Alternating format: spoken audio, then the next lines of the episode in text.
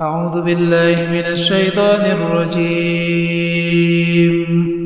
بسم الله الرحمن الرحيم.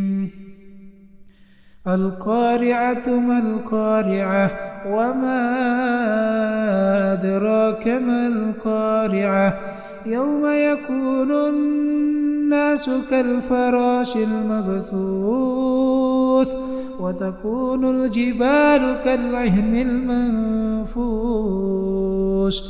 فأما من ثقلت موازينه فهو في عيشة راضية. وأما من خفت موازينه فأمه هاوية. وما أدراك ما هي نار حامية.